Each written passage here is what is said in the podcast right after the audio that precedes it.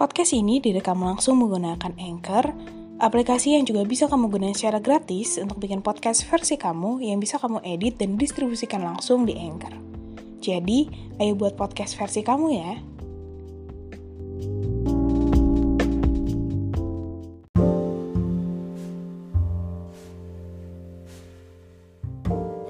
Hai, selamat datang podcast Belajar Menjadi Dewasa bersama gue Nathan. Kita nikmatin prosesnya ya.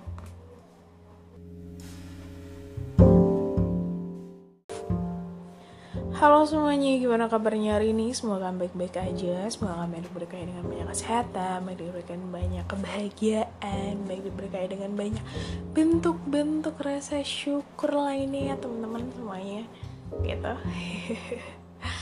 uh, di podcast kali ini, gue sebenarnya lagi iseng-iseng aja nih buka sosial media gitu. Ya, gimana gue udah pembawaannya udah keren banget kan?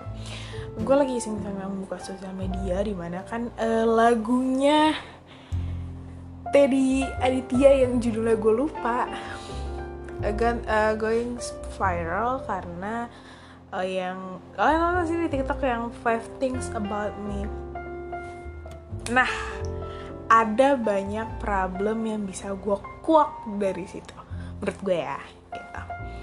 Uh, yang paling sering banget gue temuin hampir 50% ya bahkan hampir 70% ya adalah mereka selalu menambahkan uh, silent treatment cause they can control their emotions gitu. Mari kita lihat sebenarnya apa silent treatment ini. Um, kalau di gue definisikan sendiri, silent treatment tuh sebagai bentuk di mana lo diem, lo marah tapi lo diem. Lo ngamuk tapi lo diem. Lo punya masalah tapi lo diem. Ke yang ditunjukkan ke orang lain. Di video-video yang gue tonton silent treatment ya tadi gue bilang mereka silent treatment karena mereka nggak bisa kontrol emosi orang but first you have to know the definition of a silent treatment let me tell you guys okay kalau definisi aslinya dari silent treatment itu adalah an act of completely ignoring a person or thing by resort to silence especially as a means of expressing contempt or disapproval, oke? Okay? Yang kalau ditranslate, yang ditranslate itu kalau tindakan mengabaikan seseorang atau sesuatu untuk diam uh, terutama sebagai sarana untuk mengekspresikan penghinaan atau ketidaksetujuan. Jadi memang sebenarnya bukan bentuk lo nggak bisa mengekspresikan lo nggak pandai mengekspresikan emosi lo tapi bentuk lo menyindir seseorang sebetulnya memang bentuk untuk ngasih tahu seseorang kalau lo nggak setuju cuman caranya yang salah gitu dengan diem aja silent treatment tuh banyak orang artiin sebagai cuek but it's not like that silent treatment itu deep more than that oke okay? Nah, sedangkan kalau misalnya menurut Medical News Today, the silent treatment is a re refusal to communicate verbally with another person. People who use the silent treatment may even refuse to acknowledge the presence of the other persons. Jadi memang bentuk tidak setuju sebetulnya. Ketika lo silent treatment itu memang bentuk ketidaksetujuan lo atau bentuk tidak apa ya ketidakmauan lo akan sesuatu menerima sesuatu dan itu adalah bentuk silent treatment jadi di mana lo diam dan lo dengan menunjuk lo diam karena lo menunjukkan lo nggak suka itu definisi aslinya dan itu emang definisinya gitu dan people use the silent treatment in many types or in many types of a relationship including romantic relationship It can sometimes be a form of emotional abuse. This is the case when one person uses to control and manipulate the other. And this article bakal ngediskusin buat kita bareng-bareng gitu. Nah, dijelasin kayak gitu. Jadi, kalau gue translate, banyak orang ngundain silent treatment ini di banyak bentuk relationship gitu. Dan khususnya adalah di romantic relationship alias pacaran gitu ini tuh bisa jadi salah satu kekerasan secara emosional di mana kasusnya ketika satu orang menggunakan um, tipe silent treatment ini untuk mengkontrol dan memanipulasi orang lain atau pasangannya gitu jadi misalnya gini uh, gimana ya orang uh, using silent treatment ini gitu. Um, sebenarnya kalau misalnya kita lihat dari banyak kasus yang pun yang gue pernah lihat biasanya mereka kayak istilahnya ngambek nggak jelas. Itu istilah gampangnya kali ya silent treatment tuh ngambek nggak jelas. Um, misalnya gini uh, dia nggak setuju akan tentang sesuatu di relationship itu. Oke. Okay. terus cara dia tidak menunjukkan kesen ketidaksetujuan kesetujuannya itu dengan cara dia diam saja. Tapi di mana bentuk manipulatifnya? Di mana si si kita kita um, tanda kutip kan si pasangan akan bertanya-tanya di mana letak kesalahannya dia. Di mana um, orang ini akan si pasangannya dia ini lawan-lawannya dia di mana jadi terus overthinking tentang kesalahan apa sih yang dia buat? Gimana sih kok ini? Kok kok kok dia sampai ngediamin gue ya? Kok kok kok sampai giniin gue ya? Itu sebenarnya adalah the silent treatment the definition it is gitu. It's not about you can control emotion no kalau misalnya kasusnya di mana ketika lo silent treatment kayak oh ya udah gue lagi ada masalah lo jangan ganggu. Done. Itu oke okay, berarti pasangan lo menerima oke okay, lo lagi nggak mau diganggu karena lo nggak ada masalah. Atau misalnya lo ada masalah tapi lo diem doang. Tapi memang gimana ya beda lagi pokoknya. Intinya kalau misalnya memang lo cuek gitu loh. Gitu oke? okay? Atau misalnya ya udah gue nggak mau ngomong sama lo lagi karena gue lagi marah gitu. So what? Oh ya udah dia lagi marah. Jadi ada bentuk-bentuk silent treatment yang sebenarnya aslinya silent treatment bagaimana. Sebenarnya bias sih kalau misalnya emang mau dilihat sebenarnya agak cukup bias antara dua pernyataan tersebut tadi.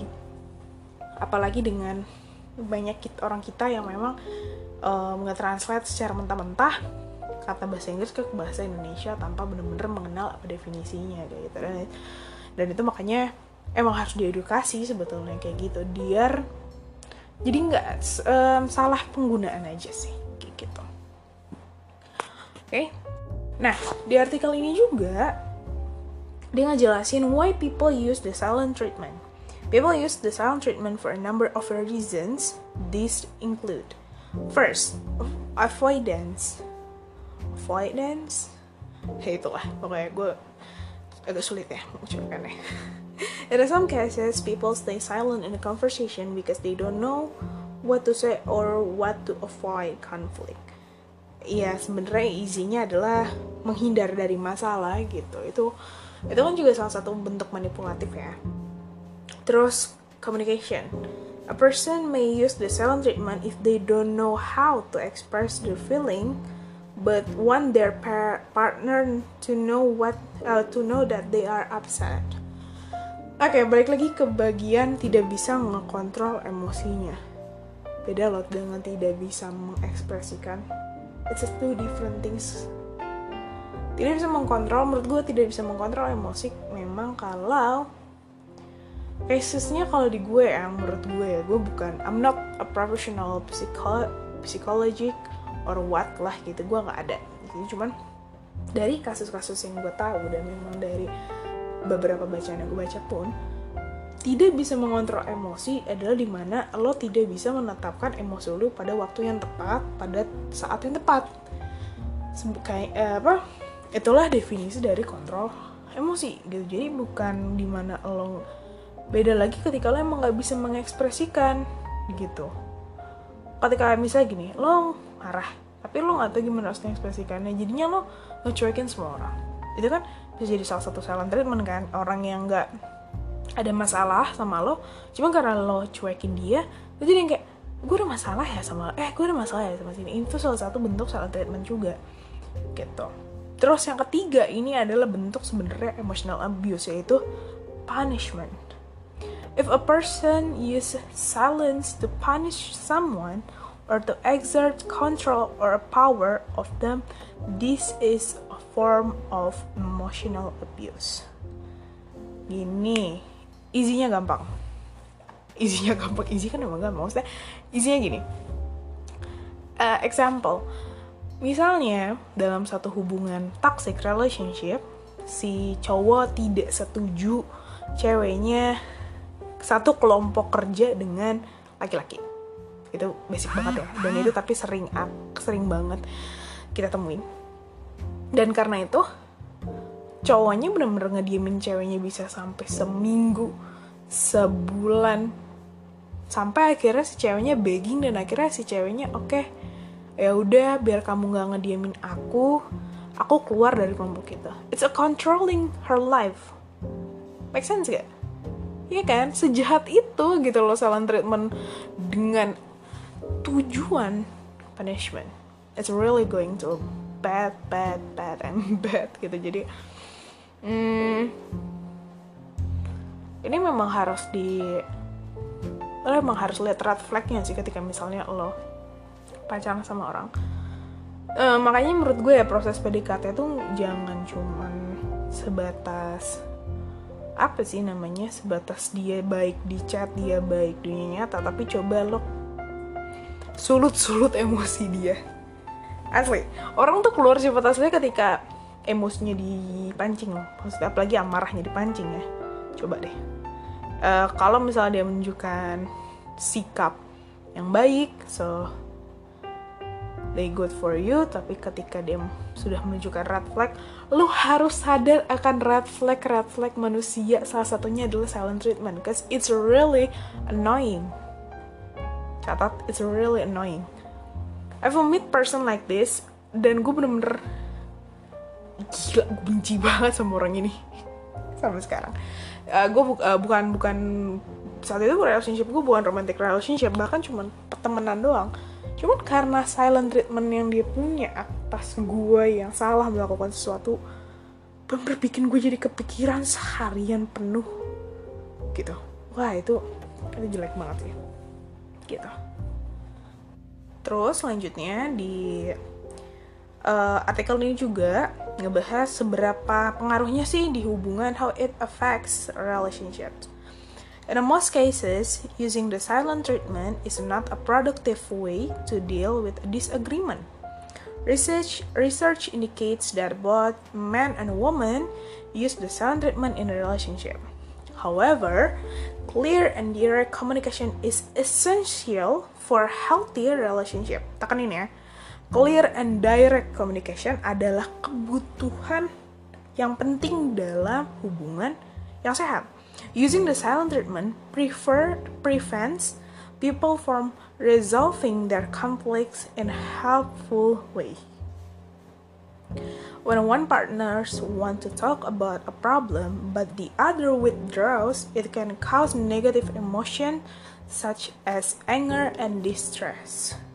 According to 2012 study, People who regularly feel ignored also report lower levels of self-esteem, belonging, and a meaning in their life. Oke, okay?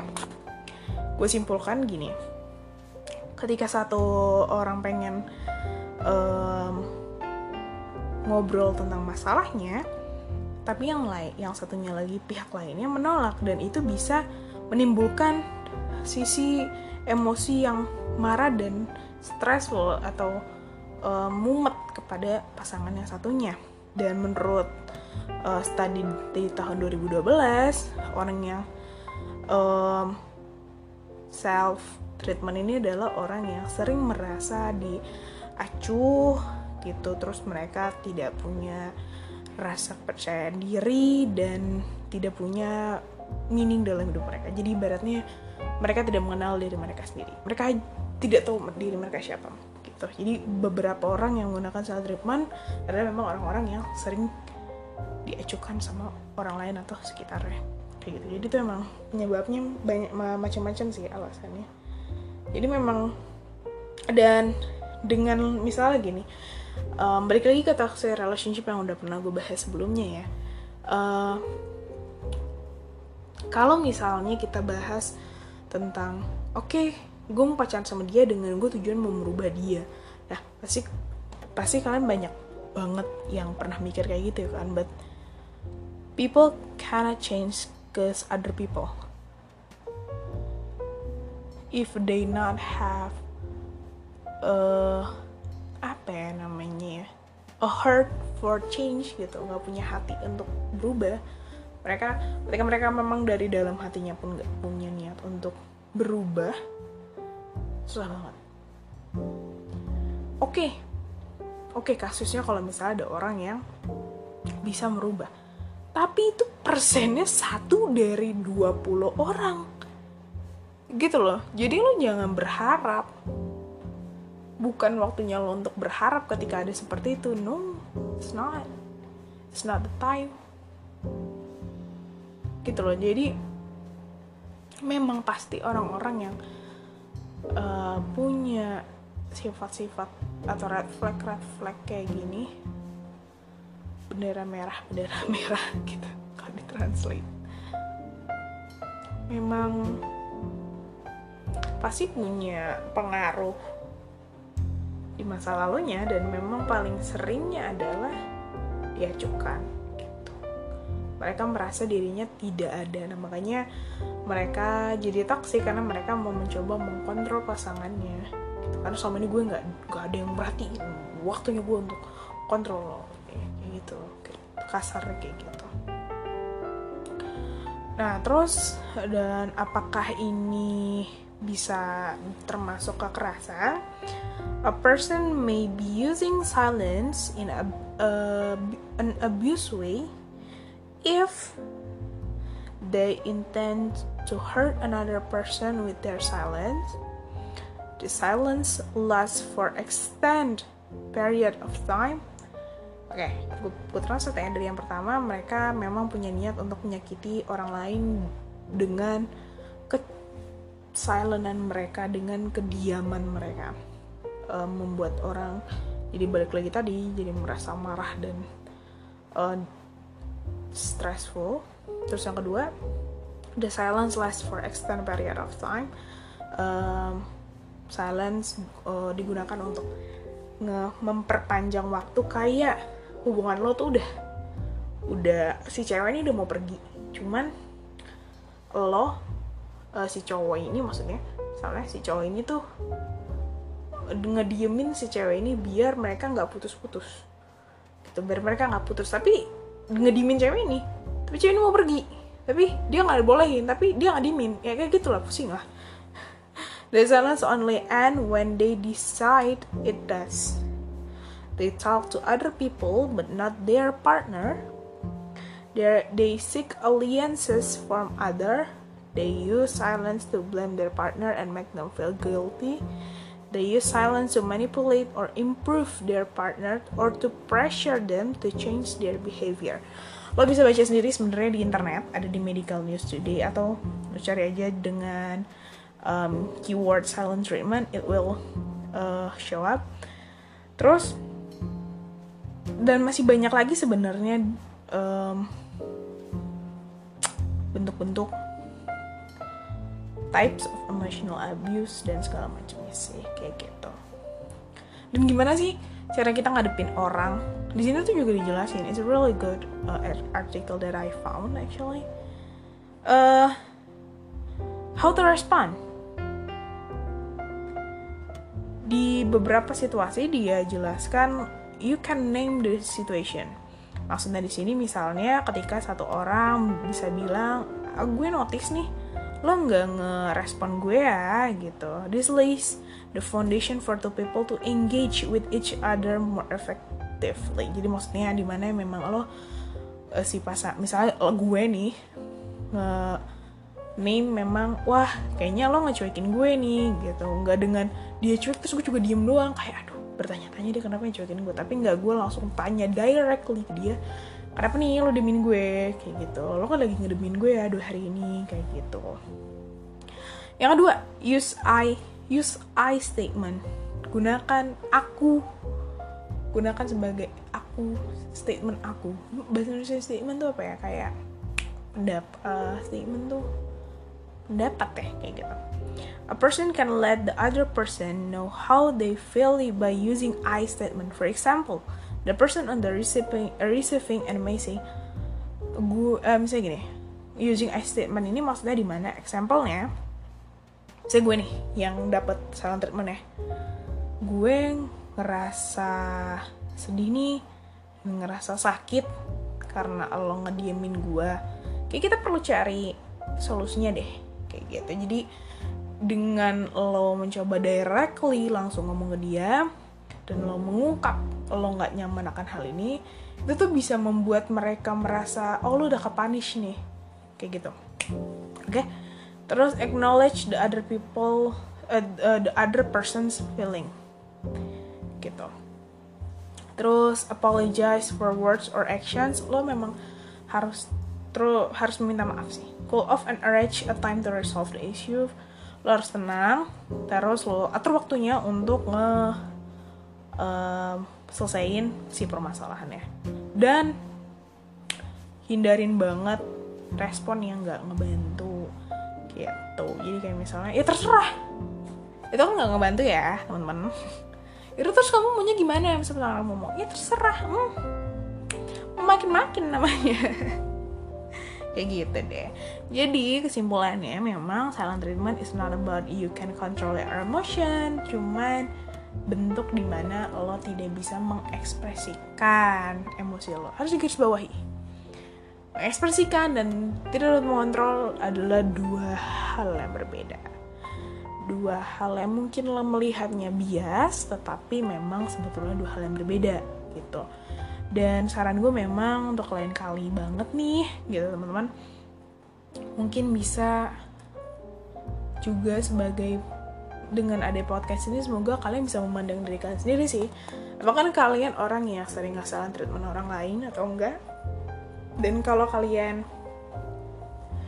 punya teman deket atau punya pasangan yang kayak gitu maybe you should talk to them gitu. Cuman jangan memaksakan kehendak lo juga untuk ya udah kalau kamu gak bisa ngerubah sound treatment ini ya aku gak mau tahu pokoknya kamu harus ngerubah kayak gitu sih you cannot change people just in kayak gitu gak bisa. Jadi memang harus belajar banyak sih untuk sesuatu hal yang baru kata-kata baru. Jangan langsung ditranslatein ke bahasa Indonesia karena definisinya bisa beda. Saran gue gitu. Jadi uh, semoga bisa dijadiin pelajaran aja sih sebenarnya. I'm not juga yang kayak ngepojokin cuman I just want to acknowledge you guys gitu. Sorry banget kalau saya banyak kata bahasa Inggris dan jurnal bahasa Inggris yang gue ambil karena somehow um, biasanya artikel artikel dalam bahasa Inggris tuh jauh lebih simple untuk gue artikan secara gampang dibandingkan harus dengan bahasa Indonesia karena biasanya um, kadang suka definisinya bisa suka agak nggak gue mengerti gitu malah uh, dan memang ini sendiri pun ditulis sama medical review memang orang yang secara ilmiah gitu jadi it's fine. And yeah.